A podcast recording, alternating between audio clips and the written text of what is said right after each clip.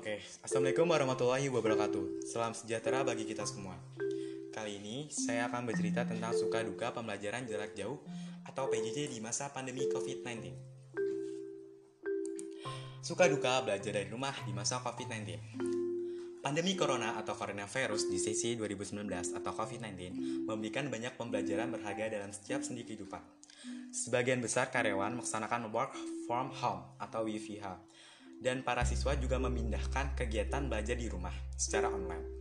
Ini semua sejalan dengan upaya pemerintah dalam mengurangi dampak penyebaran virus corona.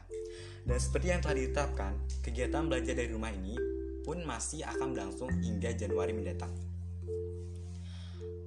Pemindahan kegiatan belajar dari rumah ke rumah. Pemindahan kegiatan belajar dari sekolah ke rumah ini sebagian upaya untuk menjaga jarak sosial.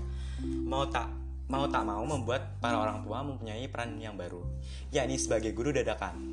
Itu artinya para orang tua lah yang menjadi garda terdepan untuk membimbing proses kegiatan belajar hingga pandemi ini berakhir. Dengan segala keterbatasan yang ada, tidak mengherankan jika para orang tua menemui banyak kendala dalam pelaksanaannya. Tengok saja, hampir sebagian besar laman sosial media mengunggah suka dan duka para orang tua yang menjadi guru dadakan untuk membimbing anak-anaknya belajar di rumahnya masing-masing. Tidak hanya jeritan hati atau duka yang dirasakan orang tua yang menjadi guru dadakan di rumah. Namun tidak sedikit juga yang bersuka hati menjadi guru dadakan membimbing anak-anaknya belajar di rumah.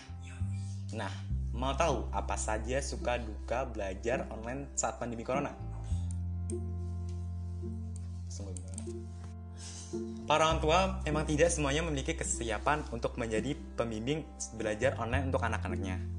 Tanggapan positif banyak dikemukakan, mulai dari kedekatan secara psikologis dengan anak antara membimbing secara langsung proses belajar online, mengetahui perkembangan akademis anak dan menumbuhkan kebersamaan serta membangun komunikasi yang baik dalam lingkungan rumah. Bagi orang tua yang biasanya menganggarkan cateringan untuk bekal sekolah anak saat ini bisa menghemat anggaran untuk dialokasikan kepada kebutuhan lainnya. Meski begitu, tidak sedikit juga yang mengalami beberapa kendala sepanjang menjadi pembimbing dalam pelaksanaan secara online di rumah, mulai dari kendala eksternal maupun internal. Kendala eksternal lebih banyak didominasi oleh jaringan internet yang tidak mendukung ataupun kondisi yang lemot. Bahkan di beberapa daerah, banyak yang belum memiliki alat pendukungnya, seperti gadget sehingga terpaksa mengandalkan warung internet untuk melaksanakan belajar secara online. Nah, tidak sedikit pula yang kemudian berakhir dengan bermain game online. Kendala internal juga tak kalah banyak, mulai dari para orang tua yang mengaku kesulitan karena tidak memiliki penguasaan materi-materi pelajaran sekolah, hingga anak yang kurang disiplin. Karena mereka menganggap di rumah berarti liburan. Selain itu, perubahan suasana hati atau mood anak dalam belajar online juga menjadi hal penting lainnya yang perlu dijaga. Lantaran tugas sekolah yang terlalu banyak, sehingga menimbulkan rasa bosan anak. Sedangkan belajar dalam metode ini membutuhkan daya tangkap yang cepat.